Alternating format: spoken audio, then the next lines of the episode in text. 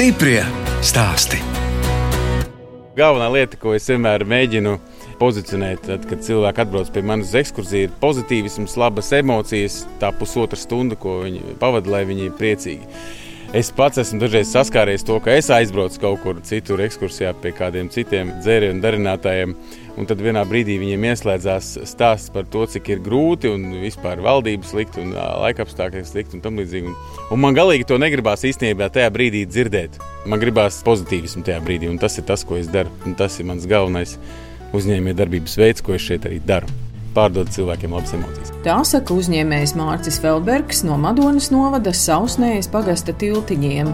Es, žurnāliste Dāna Zalamane, šoreiz tiekos ar uzņēmuma kā laboratoriju īpašnieku, kas netālu no ēgļiem nodarbojas ar lauku turismu, izveidojis kanģes laboratoriju, dabas taku un kino zāli mežā, rīko radošās darbnīcas un citas izklaides. Mārcis ir ļoti komunikabls, attraktīvs un arī apmeklētājiem parasti uzdod kādu jautājumu. Kas šis ir par koku? Vai Palīd. tagad būs bail izgāzties? Nekas dainis saņemies. Kokā augstums tātad ir 21 metrs. Vecums noteikti kaut 70 plus, es domāju, ir. Nu, man liekas, ka tas varētu būt kaut kāds augļu koks, jeb nē. Jā, jau uz pareizo pusi tieši tā. Tas parasti ir tas, ko es būt? saku priekšā cilvēkam. Ķirši? Tad, viņi gan... Ķirši? Tik liela. Ļoti izauga. labi. Jūs kā no kurzemes puses nākusi. Jums jau tas varbūt nešķiet kaut kas tik ļoti eksotisks. Jo kurzemē, protams, aug lieli, lieli saldē ķirši. Kā es atceros, kā tālus, kad dzīvojat, kurzemniekiem vēl tāds niķis, ja viņš netika klātiem ķiršiem, tad viņš paņem to ķiršu kaut nozāģē vienkārši un visu nolast uz ķiršus.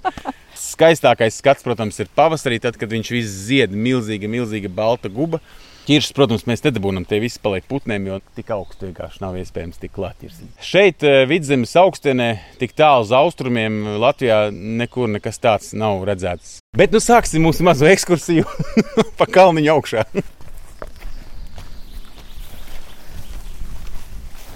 Šī vieta jums druskuļi tā kā varbūt arī atgādina tālu spauguraini.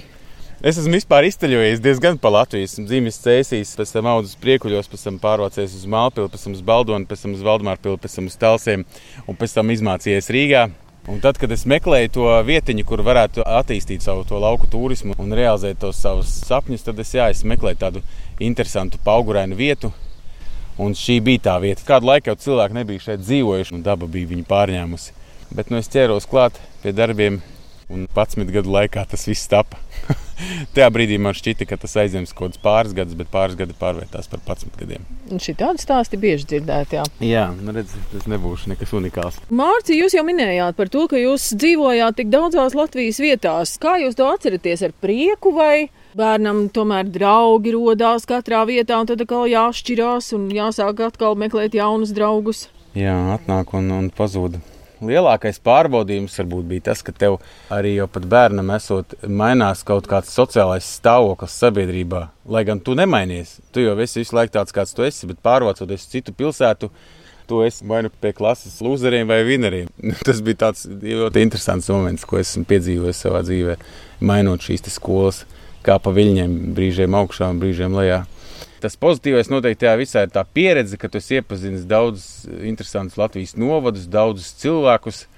Man vēl joprojām visu laiku ir tā aizbraucot uz galvaspilsētu, uz teātri vai kaut ko tamlīdzīgu. Tu vienmēr satiec pazīstamus cilvēkus. Praktiski vienmēr. No kuras vietas, ja? Un tā ir tā trakākā lieta. Bieži vien, ka tu tā kā, nu, pirmajā brīdī nevar atcerēties īsti, kāpēc tu pazīsti to cilvēku un no kuras pilsētas viņš īsti bija. Un tad jau sarunai raisoties, tad, tad jau lēnām saprot. Jā. Bet nu, dažreiz ir palikuši tādi, kurus joprojām neatceros, kāpēc viņi pazīst. Izstāstiet, kā tad jūs izlēmāt, ka jūs būsiet frizieris? Manā mammas māsa, tante bija, nu, ir vēl joprojām frizieri.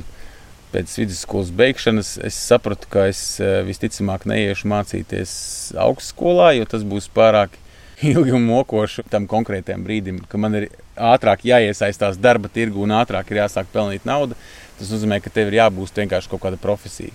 Starp citu, Latvijas rādio dzirdēju reklāmu par to, ka Rīgas 34. arotskolā ir eh, atvērto durvju dienas, laipni aicināti visi interesanti no tikiem līdz tikiem.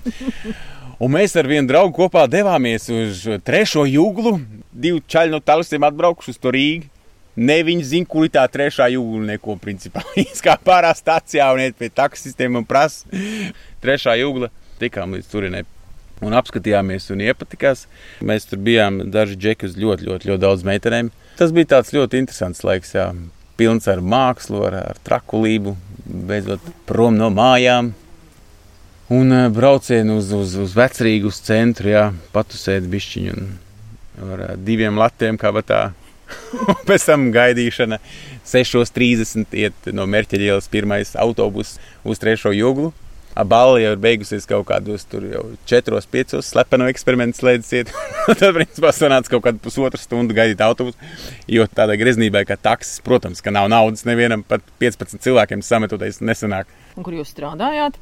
Es paliku Rīgā, un man bija ļoti liels eh, prieks un gods strādāt frizētā Brigita. Starp citu, pati Brigita arī piedalījās toreiz man eh, eksāmenā, arodu skolā. Un, Beigās viņa pienāca man klāt un iedeva savu vizītkarti. Kā šodien atceros to mirkli. Jūs Pazar. bijāt uh, sieviešu frizieris vai vīriešu? Uh, plaša profila frizieris. Tad es uh, sāku strādāt Brigitā, un tad es aizgāju uz vīriešu zāli. Un, uh, kaut kā vienā brīdī sapratu, tomēr, ka man tie īgnie veči tomēr baigi nepatīk. Kaitini ir apnicis tas, ka viņi nāk ar tām savām problēmām un gāž tev tās savas problēmas virsū.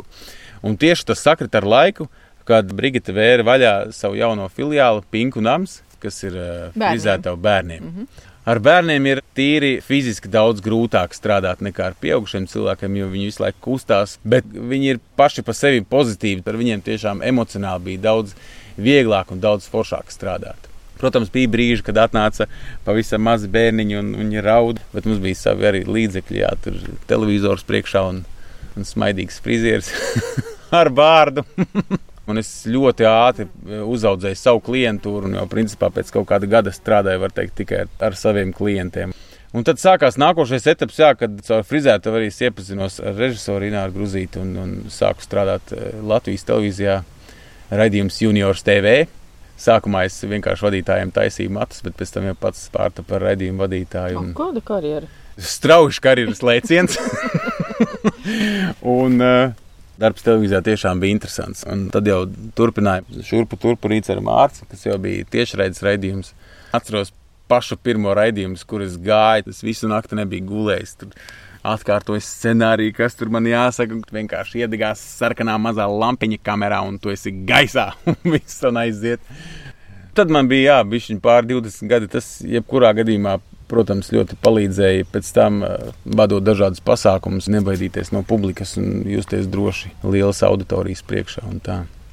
Un tad uh, savā jaunības maksimālismā nolēmu, ka man visa tā pilsēta ir jāpamet frizētā. Visa tā televīzija man tā, visu to nevajag. Nu, es tagad tieši uz laukiem, nu, tagad es būvēšu, un tad tik jūs redzēsiet. Un tas arī viss sakrita pēc tam vēlāk ar pirmās krīzes laiku. Darba īsti tev nav, Kāpēc tieši ērgļus jūs izvēlējāties? Uz žurnāla galdiņa, tajā pašā frizētavā, kurā es strādāju. Nekustamā īpašuma žurnāls, šķirstīju, un tur starp daudzajiem dārgajiem jūrmālas īpašumiem, kas tur bija pārsvarā ar simtos tūkstošu mērām, bija tāds īpašums, kas bija par daudz mazāku cenu, kas man uzrunāja arī, protams, ar savu tekstu. Skaista meža ielokā, brīnišķīga vidzemes augstienes, mm, smūgs tekstiņš tur bija uzrakstīts, un es uz to uzķēros.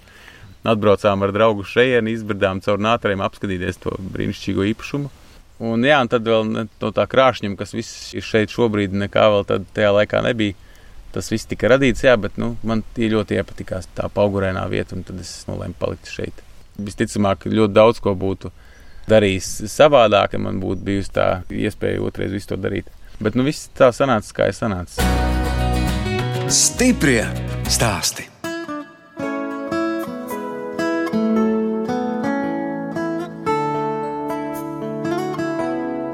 Jūs klausāties raidījumu stipri stāstī. Šoreiz ciemojos Madonas novada Sausnējas pagastā pie uzņēmēja un uzņēmuma kā laboratorija īpašnieka Mārča Feldberga. Mārcis 15 hektārus zemes netālu no ērgļiem nopirka pirms 17 gadiem, bet pirmos turistus uzņēma pirms 5 gadiem. Vispirms dodamies uz meža kino zāli, kur pretī lielam ekrānam atrodas padomju laika benzīna kolonna. Te tiek ielikts projektors un skaņa, atvilkt elektrību, un te mēs rādām filmas, tad, kad satumst. Bet tie krēsli, tie krēsli jā, tie ir no kultūras padomju laiku. Tie ir jā, no Sausnējas kultūras nama un no citiem tuviem kultūras namiem salasīt. Benzīna tanka šī iekārta ir no vietējā kolhoza, tepat, kur jūs braucāt garām.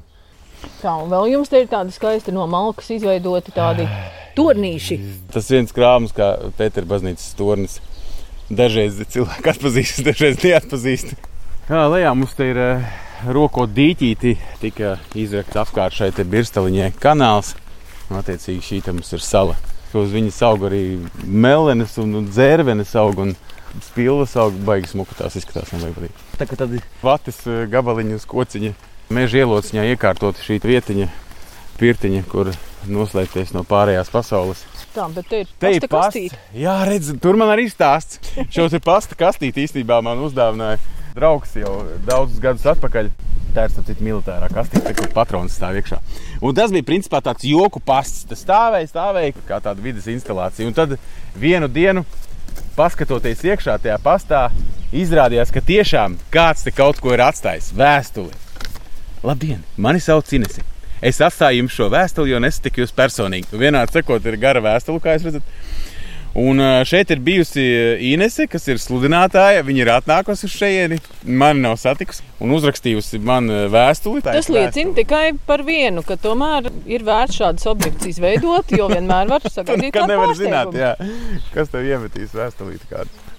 Un vēl tāds veco laiku elektrības stāvs. Tas ir telefons. Telefon. jā, to mēs stāstām bērniem. Iedomājieties, agrāk cilvēki runāja un skaņa gāja pa vadiem. Jā, tas ir kaut kas tāds, viņam neiedomājams. Vienkārši kaut kāds brīnums. Tereku vecrīgas oriģinālā latērna arī tādas lietas man patīk saglabāt. Tas zaļais žigulīts arī stāv un gaida savu kārtu, kad viņš tiks kaut kur eksponēts. Viņam ir izņemts ārā motors.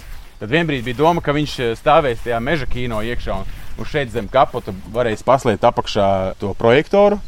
Tad bija doma, ka varētu to grilu tomēr taisīt iekšā un eksponēt kaut kur tuvāk pie mājas tā pēdējā doma ir, tad, kad eh, es saņemšos un uztaisīšu vienu kvesta trasi. Tas ir tāda trase, kur jāorientējas pa mežu, un plus katrā punktā ir kaut kāds uzdevums.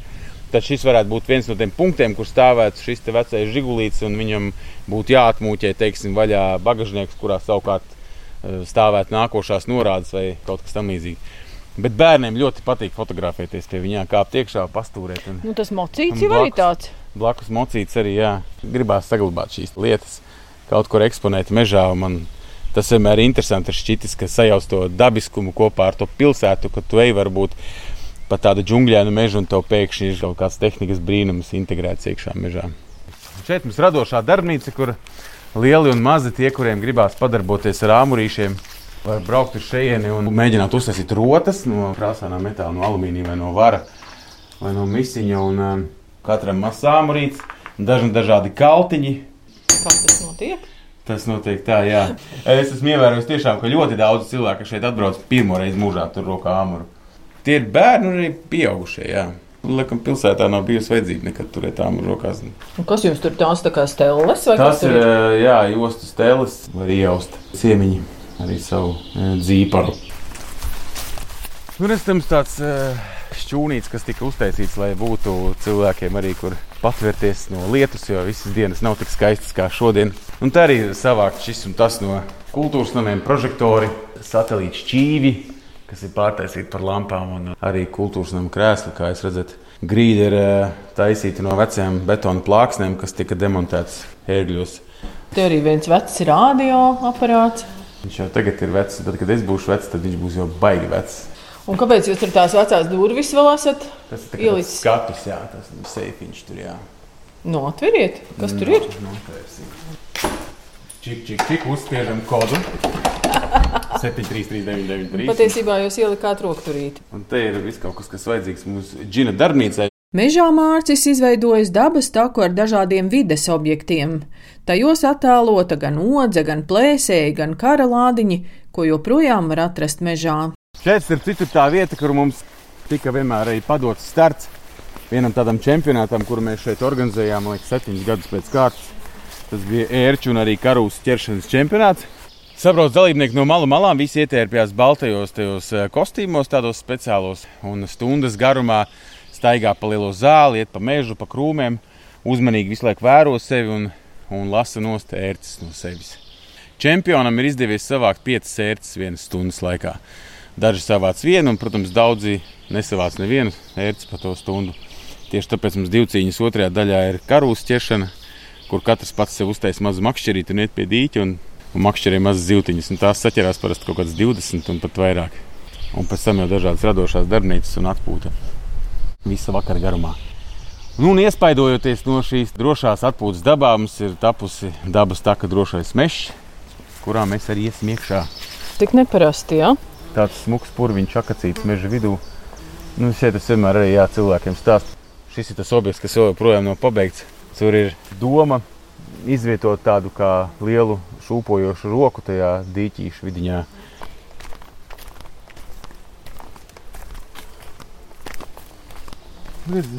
Nākošā skulptūra. Tas ir visriebīgākais, visbīstamākais, vismazākais radījums, kāds Latvijā ir ērce. Un tad vesels punkts ir jā, veltīts ērcei.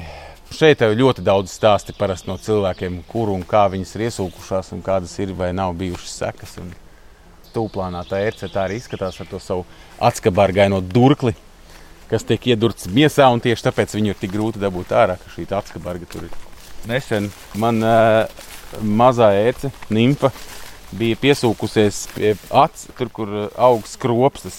Es viņu pirmajā brīdī pat nepamanīju, jo viņi ir tik nenormāli mazi, ka viņi ļoti grūti pamanīt. Ir. Sākumā vienkārši likās, ka tas kaut kāds netīrums, kaut kas pielipis, kaut ko es berzēju, berzēju, un izrādās, jā, ka, ka tā bija ērce. Noslēdzošais dabas tā kā mums objekts ir par atkritumiem un piesārņojumu. Un šeit ir uztaisīta pudele. Trīs kubikmetri tas ir apmēram tas apjoms, kuru katru gadu viens Latvijas iedzīvotājs saražo atkritumus. Tāpēc jāizvērtē, vai mums kaut kādas plasmasas struntas vajag pirkt vai nevajag. Bet mēs esam izteikti patērētāji sabiedrība, un mums patīk visu laiku iepirkties un pirkt kaut ko jaunu. Mārča īpašumā netālu no ērgļiem atrodas arī divas kupolveida ēkas. Vienā no tām iekārtota kanģes laboratorija, otrā aug vīnogulāji. Tad, kad radās tā ideja par to, ka vajag tos dzērienus cilvēkiem kaut kādā veidā izmēģināt, tad bija doma, ka vajadzētu to ēku, kurā tās degustācijas veikt kaut kādu bišku interesantāku nekā parasta ēka. Un tad es meklēju kaut kādus risinājumus un nonāca līdz tādām kupola ēkām. Un tur ir vēl viena kupola ēka. Tur mēs iesim vīnogu mājā. Tur jau pagājušajā gadā iestādīts vīnogs. Vai cik te ir silts, Taina? Kā reizē prasījās tāds siltumiņš, vai ne? Šobrīd mēs esam atnākuši šeit uz vīnogu māju pašā vīnogu ziedu ziedēšanas laikā. Tepat eh, varbūt sajūta, ka mēs ienācām iekšā, bija tāds interesants aromāts ar tie vīnogu ziedu smaržojumu. Pagājušajā gadā es šīs vīnogas iedēstīju. Trīs no stādiem ir ļoti smuki, viens man iznīka, un viens ir tāds, kas ir tāds aizkavējies savā attīstībā.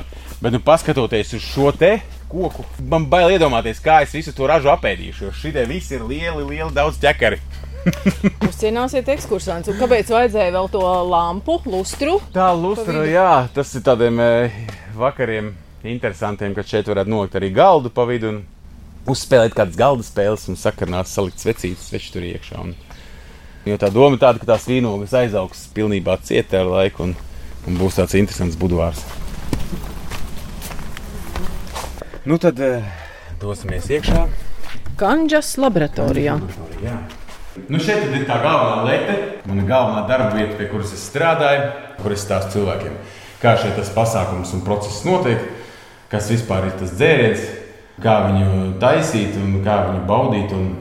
Visi dzērieni tiek lieti iekšā mēģinīties, un daži dažādi mazi kokteilīši taisīti. Paralēli cilvēkiem uzdevums minēt, no kādām sastāvdaļām šīs konkrētais alkoholiskais dzēriens ir taisīts. Šeit apakšā zem letes var redzēt manu glāzīšu kolekciju. Ļoti daudz glāzīšu no ļoti daudzām valstīm. Man dažreiz cilvēki prasa, vai es pats esmu visas tās glāzītas atvedis. Nu, tur ap, draugi, ap, ap simtu tur, jā. Es saku, nē, nu, tās manējās Pagaidām ir tās nu, Lietuva, Polija, nu, tuvējās valsts, un, un, un tās visas pārējās ir. Jā, man mamma un māsa arī daudz ceļo, un draugi ceļo un ir atveduši. Bet tad, kad es došos, varbūt pelnīt atpūtā un būšu nopelnījis savu pirmo miljonu, es varbūt varēšu arī daļu apceļot no šīm valstīm, no kurām man šīs glāzītes ir. Izstāstiet par tiem traukiem, brīnišķīgi skaisti trauki. No vara materiāla šis ir tā, tas tradicionālais aparāts, ar kuru principā arī taisa džinu. Šeit ir vienīgā vieta Latvijā, kurā ir iespējams eh, legāli pašam veicot destilāciju, tikt pie sava unikālā dzēriena. Tad mums šeit arī tiek ieliekts iekšā alkohols, tiek pievienots dažādas garšvielas. Nu, džina, protams, galvenā garšviela ir kadiķogas, bet var pievienot arī vēl daudz dažādas citas garšvielas. Un tad tiek veikts destilācijas process. Pašā beigās mēs arī uztaisām tepat uz vietas kaut kādu kokteili no tā, ko tu esi uztaisījis. Un pēc tam, protams, arī nobaudām. Pilnībā visu procesu praktiski no A līdz Z var izdarīt pats, un beigās to savu darbu auglu arī nogaršot. Tas izskatās tā kā tādā īstā virtuvē. Ledus skāpji ir Jā. ūdens. Jā, PVD prasībām tā tad būs daudz gaismas pa visu, pa visu kupolu augšu. Tas ļoti noderīgs ziemā, tad, kad sadedzina šīs gaismas, tad tiešām tā kā planetārijā izskatās. Šeit uz grīdas, kā jūs ievērojat, flīžu grīda no, no ļoti daudz dažādu zoršu eh, flīzēm. Iepriekšējās lielās krīzes laikā es biju diezgan daudz nodarbināts celtniecībā. Un šie tātad ir atlikumi no ļoti, ļoti daudziem objektiem, no daudzām vannas istabām, virtuvēm un koridoriem. Tas viss tika eksponēts šeit. Braukt klienti apskatīties, ja, kur ir. Jā, nu, draugi, draugi atpazīst savu vannas istabu flīzes. Grīda ir uztaisīta kā siltā grīda, kad tiek kurināts apkuras katls, tad silst grīda. Un tiešām ziemā var ļoti labi sakurināt.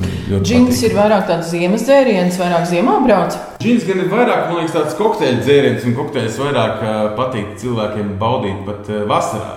Ganģis dažādās, tas ir tāds vairāk ziemīgs dzēriens. Jo, protams, tad, kad jums karstā vasaras dienā plus 30 pasaka, kanģis laboratorija, kanģis degustācija jums varbūt nešķiet kaut kas tik vilinošs, kā jums pateiktu, augsta aliņa degustācijā karstā dienā. Šeit jau galvenais ir tas stāsts un tā iespēja pagaršot kaut kādas tādas interesantas garšas, kādas pirms tam varbūt neesi mēģinājis. Stiprie stāstī!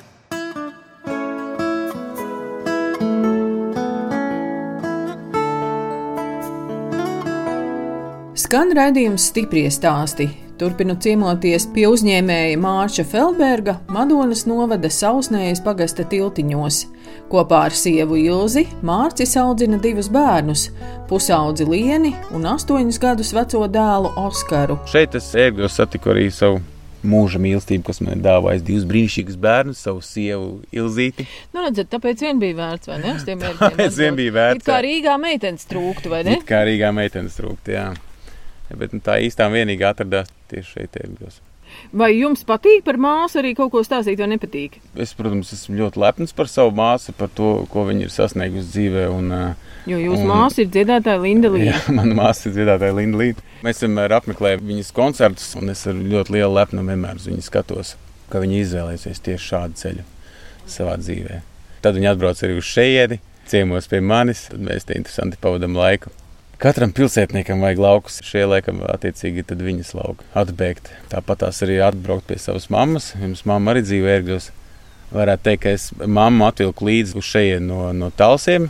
Es atnācu uz šejienu dzīvot, Linda dzīvoja Rīgā, un tad, ko viņa viena pati tur talsos, tad paliks.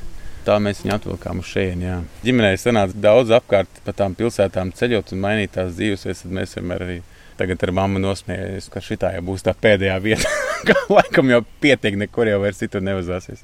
Laukos dzīvojot, ir tas lielais pluss, ko iegūst tas miers, un tas, ka eh, varbūt nav tik ļoti liels tās steigas kā pilsētā un nav sastrēguma. Bet tā lieta, protams, kas pietrūkst dzīvojot laukos, ir dažādi pakalpojumi pēc kuriem tev vienmēr ir jāmigrē kaut kur uz lielajām pilsētām. Medicīna.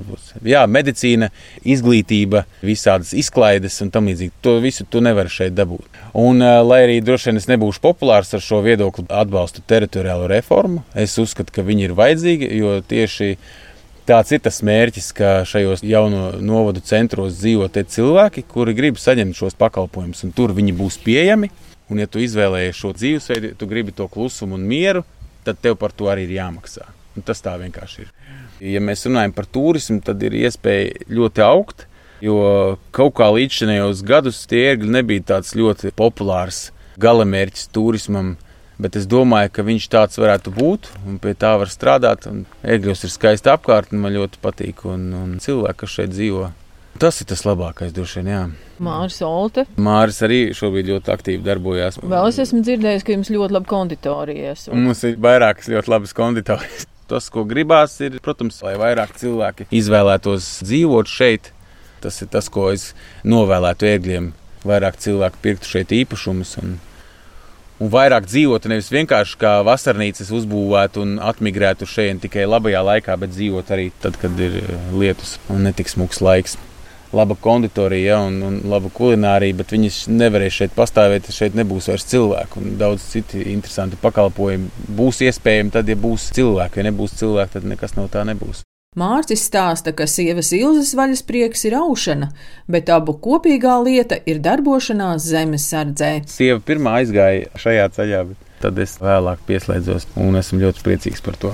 Bet zemesardze tas ir arī tas patriotisms. To nevar tā noteikti. atdalīt. To noteikti nevar atdalīt. Man tā tēvzemes apziņa ir pietiekami dziļi iekšā, un man tas ir ļoti svarīgi. Man ir svarīgi zināt, kā justies x stundā un Tas ir viens no iemesliem, kāpēc es to daru. Tā ir lieliska iespēja pašam sevi pilnveidot, lai pilnībā neizdegtu. Jo, ja tas ir mazs uzņēmējs laukos viens pats, tad es vienā brīdī sajūtu sevi tādu kā izdegšanu. Un, uh, Viens variants, kā ar to cīnīties, ir vispār kaut kāda apstākļu maiņa un kaut kā jauna pieņemšana. Un tad es ilgi domāju, varbūt kaut kādus citus darbus meklēt, tad es sapratu, jā, ka zemesardze tas būs kaut kas tāds ilgstošs, un kuras varēšu darboties pēc jaunā likuma līdz pat 65 gadiem, līdz pensijai. Jā, un varbūt līdz tam laikam vēl būs mainīti likumi, un varēs jau līdz 70 visu mūžu garumā. Iesaku visiem pamēģināt. Varbūt ir svarīgi reizēm tā nodarbošanās maiņa, vai ne? Nu, vai domāju, nav tā, ka tās ir, domas tikai vienā virzienā? Tas, tas ir ļoti svarīgi, jā, tas ir ļoti svarīgi. Mācības bieži vien ir ļoti intensīvas, un tev tiešām neatliek laika pat domāt par kaut kādām ikdienišķajām rūpēm, par savu uzņēmumu vai par kaut kādām tādām lietām, kas tur, tur bija vēl jāizdara un tam līdzīgi. Tu vienkārši to visu aizmirsti, noliec telefonu un skrien mežā.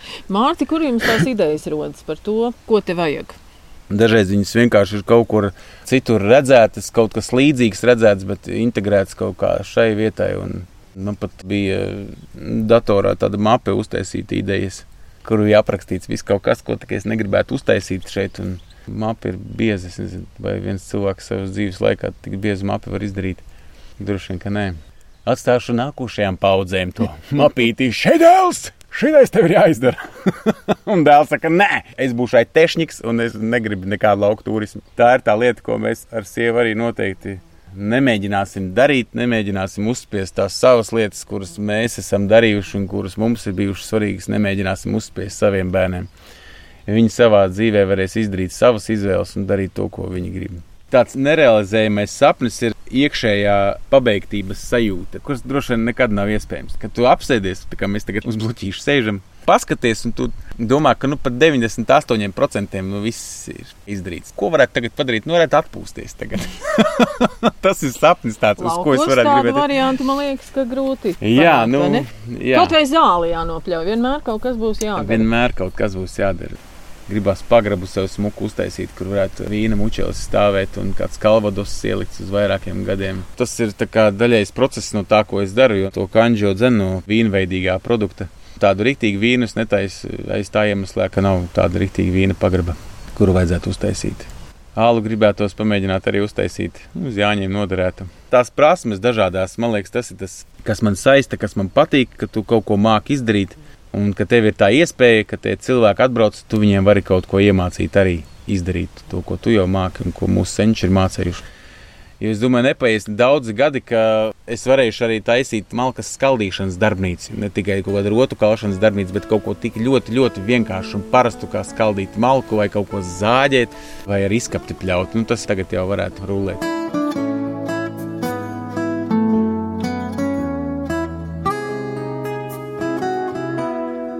Radījums stipri stāsti izskan, un mēs atvadāmies no Mārča Feldberga, kas netālu no ērgļiem nodarbojas ar lauku turismu un izveidojis kanģes laboratoriju. Mārcis ir attraktīvs un runīgs, tieši tāds, kādam jābūt saimniekam, kas darbojas turismā. No jums atvadās žurnāliste Dāna Zalamane un operātore Inga Bēdele. Uz tikšanos!